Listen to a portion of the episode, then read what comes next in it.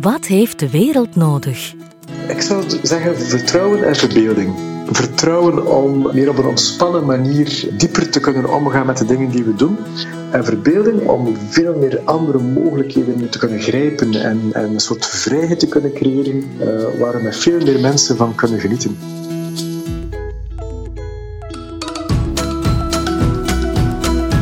De samenlevers over samenleven en hoe we daar beter in kunnen worden. Een activerende podcast voor mogelijkheidsdenkers. Vandaag samenlever en interieurarchitect Tom Kallebout. Vous êtes perdu si vous oubliez que les fruits sont à tous et que la terre n'est à personne. U bent verloren als u vergeet dat de vruchten van u zijn en dat de aarde van niemand is. Een uitspraak van de Franse filosoof en schrijver Jean-Jacques Rousseau. En het eerste wat je ziet wanneer je de patio betreedt van interieurarchitect Tom Kallebout in Brugge. Hij heeft de woorden op de olijfgroene muren geschilderd. Als je zo naar de wereld kijkt, leef je helemaal anders, vertelt Tom. De verantwoordelijkheid voor wat ons gegeven is enerzijds, en anderzijds het besef dat je een prachtig cadeau krijgt. Daar kun je alleen maar dankbaar voor zijn. Die wereld ziet er sinds enkele weken helemaal anders uit. De verantwoordelijkheid om er samen richting aan te geven, des te groter. Voor Tom zijn de nieuwe regels van social distancing een extra uitdaging. Zijn huis is namelijk een open huis, een oefenplek in gastvrijheid en verbinding. Niet meteen evident in tijden van corona. Dat klopt. Ja, het lijkt bijna een, eh, een contradictio in terminis. Hè. We hebben twee jaar lang eh, alles aan gedaan om onze woning meer en meer open te krijgen en mensen ook gewoon te laten worden aan het idee. En nu plots moeten we allemaal zoveel afstand nemen en is, mhm. is er ook stukje angst bij mensen. Ehm, maar toch ben ik nu wel volop aan het nadenken hoe we dit moment dat, dat de, de regels misschien ietsje minder streng worden, uh, toch weer opnieuw kunnen openstellen hoor. Ja, zeg en, en hoe open is jouw huis dan eigenlijk precies? Wat, wat bedoel je daarmee? Een open huis, wat moeten mensen zich daarbij voorstellen? Ja, uh, eigenlijk is het zo dat uh, onze voordeur is een, is een gordijn van 8 meter breed. Dus het is vooral een, een, eh, een symbolische grens mm-hmm. waar je door kan. En het is zo dat eenmaal je voorbij die voordeur komt, uh, in overleg met ons, iedereen welkom is. En eigenlijk de hele woning wordt gedeeld op afspraak, dus binnen een bepaalde tijd- en ruimtebestek behalve de slaapkamers. Dus wie wil een verbindende activiteit uh, laten doorgaan bij ons, die kan onze woning daar ook voor gebruiken. Ja. Mhm. Daar zit ongetwijfeld een maatschappelijke gedachte achter? Ja, ja zeker en vast. Uh, de gedachte dat als we Eén, als we alles veel meer delen met elkaar, we samen heel rijk zijn. Maar daarnaast ook, uh, en dat hebben we ook kunnen ervaren nu in die voorbije twee jaar, ik denk dat we ongeveer 1500 mensen gehad hebben die hier gekomen zijn. Het is ook fantastisch om, om uh, je huis op te laden met zoveel uh, goede energie en ook zoveel mensen te kunnen ontmoeten en te kunnen ontvangen. Um, dat is een hele fijne en verrijkende uh, uitwisseling. En reageerden mensen daar positief op? Op die openheid, die connectie die jij probeert te maken? Ja, wel, we merken natuurlijk, en dat is te begrijpen, dat, dat ze daar wel moeten aan wennen. En uiteindelijk, wij moeten daar ook aan wennen hoor. En we zijn er ook in die, in die voorbije twee jaar al enorm in gegroeid. Um, maar laten we zeggen, ik ervaar het wel dat, dat de meeste mensen een soort uh, ontwapenende glimlach hebben als ze binnenkomen. Een beetje twijfelen in het begin, maar eigenlijk vrij snel, uh, als ze hier vertoeven, uh, wel een draai vinden. Ehm, maar natuurlijk, we zijn allemaal helemaal anders ja, opgevoed. En mhm. we zijn ook gewoon, denk ik, om onze woning meer als een soort bescherming te zien dan als een kans om, om uh, andere mensen te ontmoeten. Hè. Ja, we zijn het eigenlijk een beetje gewoon om onszelf en onze woning, maar ook om onszelf uh, te isoleren. Hè? Ja, ja. Ja, dat is uh, ja, absoluut. En dat heb ik ook nu gemerkt in de voorbije, in de voorbije week. Uh, toen het, het, nieuws van de corona binnenkwam, heb ik ook het gevoel gehad, en ook bij mezelf hoor, uh, en dat zeg ik misschien met een kleine schaamte zelf, dat, dat ik eerst wat overmand was. En eerst wat angstig en wat in paniek. En, mm. en dat ik dan misschien ook eventjes meer op mezelf uh, teruggeplooid ben. Uh, maar na een weekend van ontspanning in de tuin werken en goed naar de zon kijken, heb ik dan mijn kracht teruggevonden.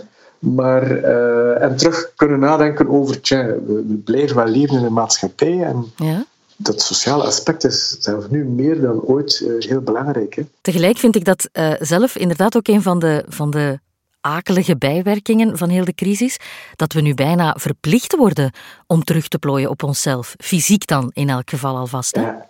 Wel, en dat is natuurlijk wel. Hè. Dus het is vooral fysiek uh, wat, er ons, wat ons opgelegd wordt. Uh, waardoor we natuurlijk wel uh, mentaal nog altijd wel de vrijheid hebben om, om ons in te zetten voor anderen en te, te zoeken naar, naar manieren om toch bij elkaar te kunnen zijn. Uh, ik heb bijvoorbeeld met de, de, kinderen ook, maar met het hele gezin de afspraak dat we mhm. na het eten uh, altijd eens nadenken, tja, wie zou er uh, nu blij kunnen zijn met eens een berichtje van ons? En dat we dan bewust is verder dan onze directe vriendenkring of familie gaan uh, om eens iemand op te bellen of een sms'je te sturen. Ah, dat is mooi. Ja. ja en dat is, dat is iets heel klein, dat duurt bij wijze van spreken vijf minuten. Ja. Dat is ook niet dat dat heel veel krachtinspanningen van het brein vraagt, maar het is iets dat je, dat je in, ons, in het leven probeert binnen te brengen waar je anders niet zo aan gedacht hebt. Hè. En op die manier kan wat ons nu overkomt, het verlangen naar connectie, een beetje vergroten?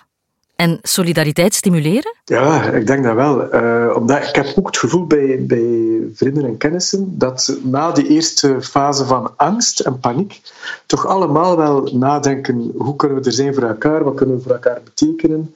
Ehm, dus ja, ik, ik, ervaar dat toch wel als een, als een, uh, ja, een tweede fase na, na de paniek.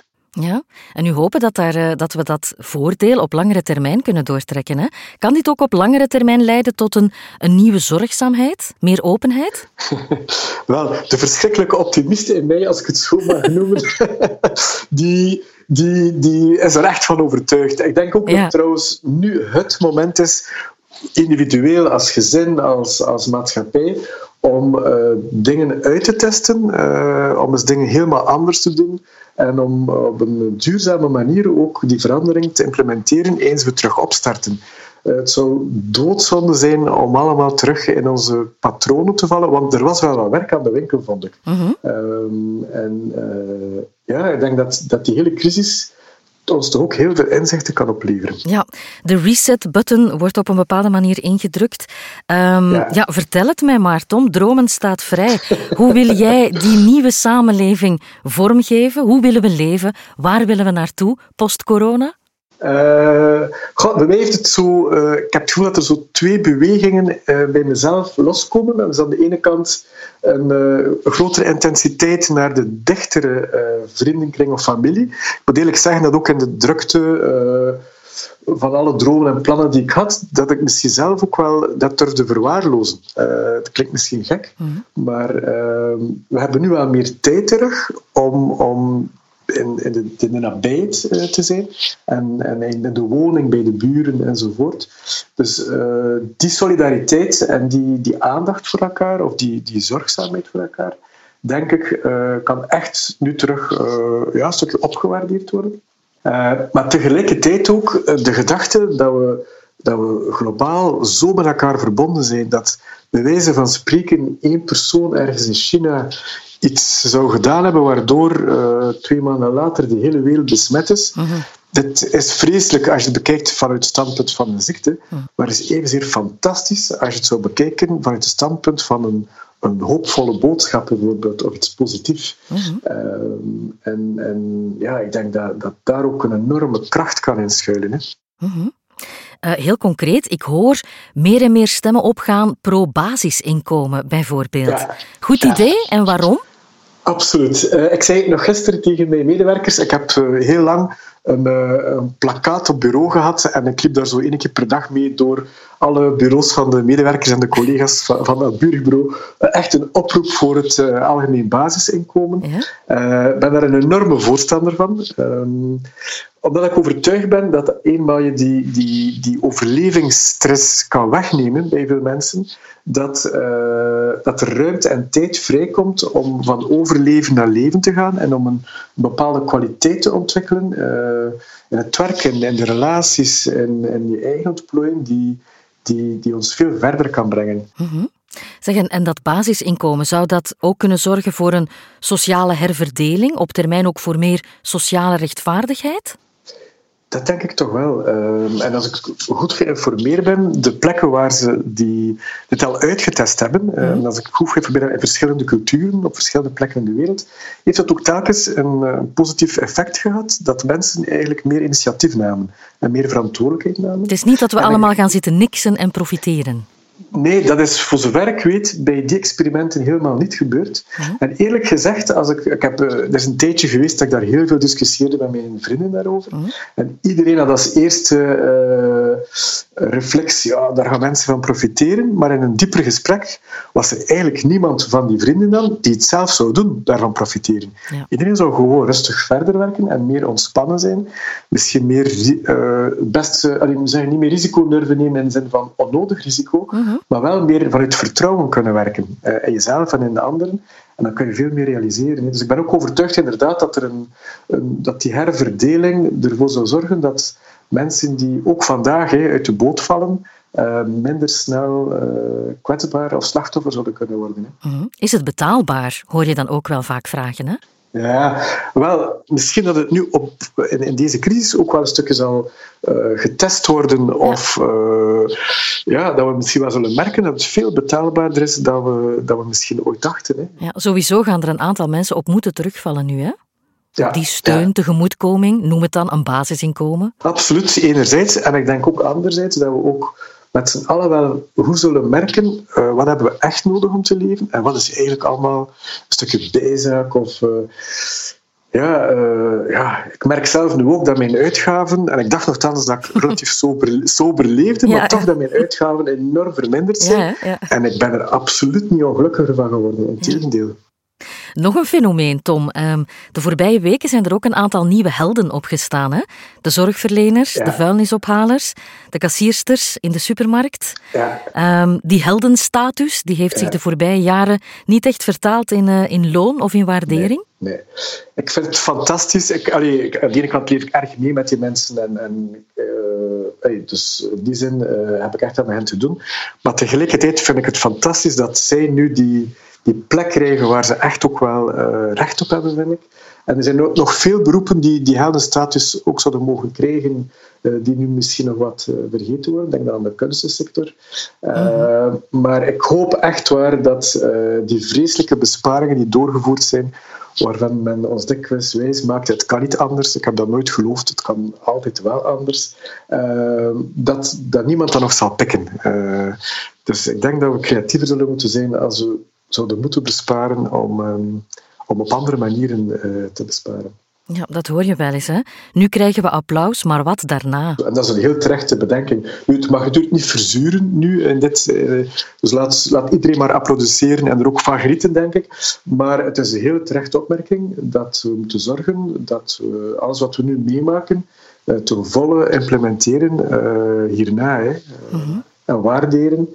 Um, en in die zin vind ik dat ook weer een oproep of een pleidooi voor het, het basisinkomen, omdat het, uh, ja, er zijn heel veel beroepen die heel waardevol en zinvol zijn, waarvan mensen soms de indruk hebben, ach, het is niet zo belangrijk. Hè. Mm -hmm. um, dus dat vind ik wel heel mooi aan wat er nu, nu aan het gebeuren is. Ja.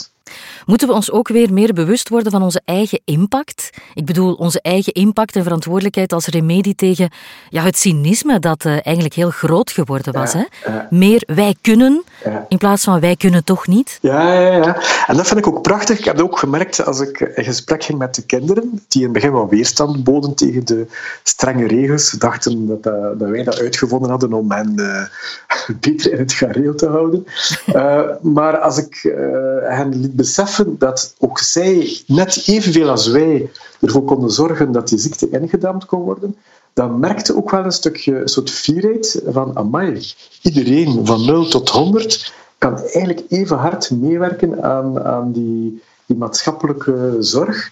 En ook dit vind ik een prachtige ervaring. Je hoeft niet rijk te zijn, of verstandig, of man of vrouw, of groot of klein, of jong of oud. Eigenlijk kunnen we allemaal op een hele eenvoudige wijze uh, een bijdrage leveren. En dat is denk ik een beeld voor iets wat hierna uh, op veel manieren kan uh, verder gezet worden. Ja. ja.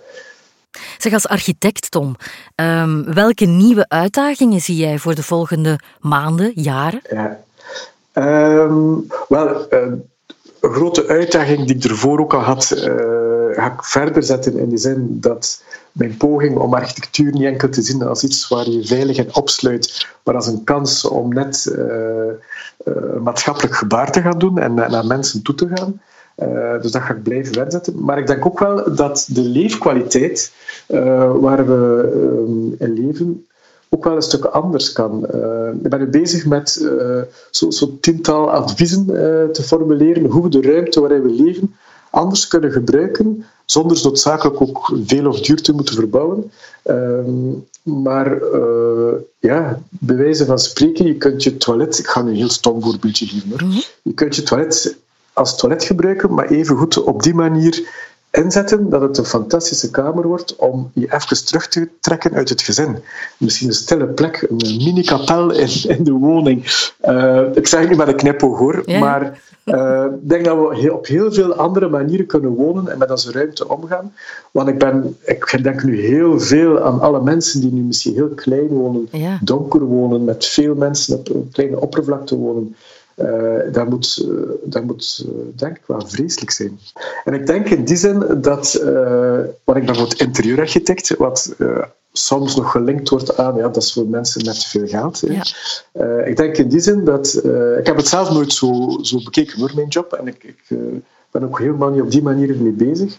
Voor mij gaat het over de essentie van het leven. Hoe kunnen we beter samenleven? En ik hoop dat ons, ons vakgebied en dat ook alle collega's uh, de focus op het beter samenleven en dus een beter gezin kunnen worden, een beter bedrijf, een betere school, een betere, betere buurt, uh, dat we daar echt nog veel meer op uh, inzetten. Ja, en ook met kleine middelen, in kleine ruimtes, een groot verschil ja, maken.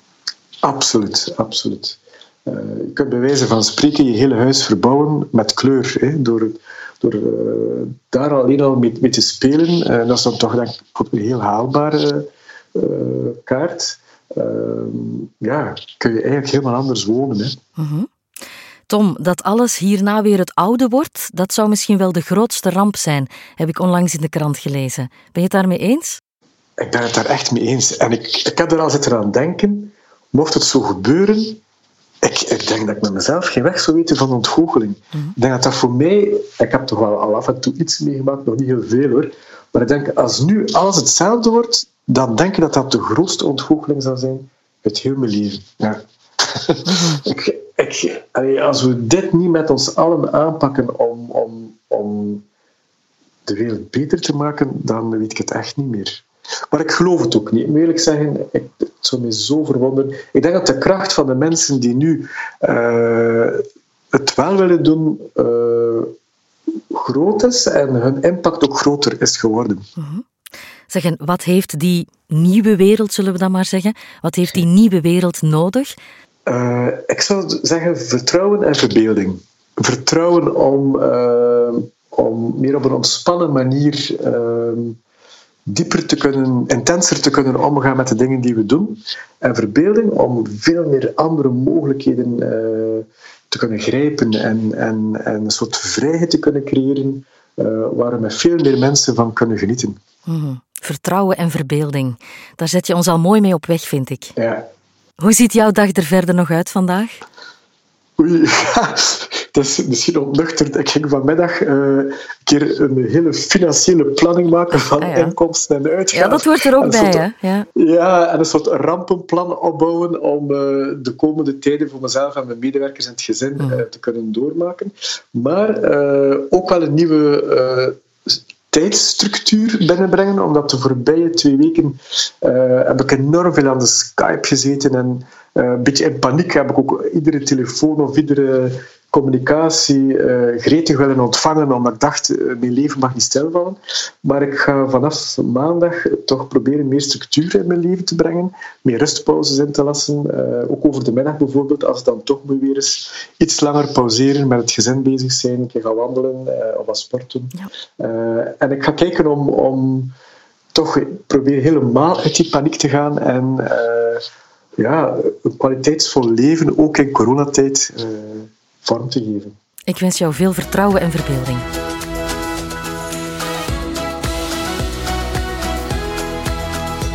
Meer info over samenlever Tom Kallebout en zijn projecten vind je op www.pc-plus.be.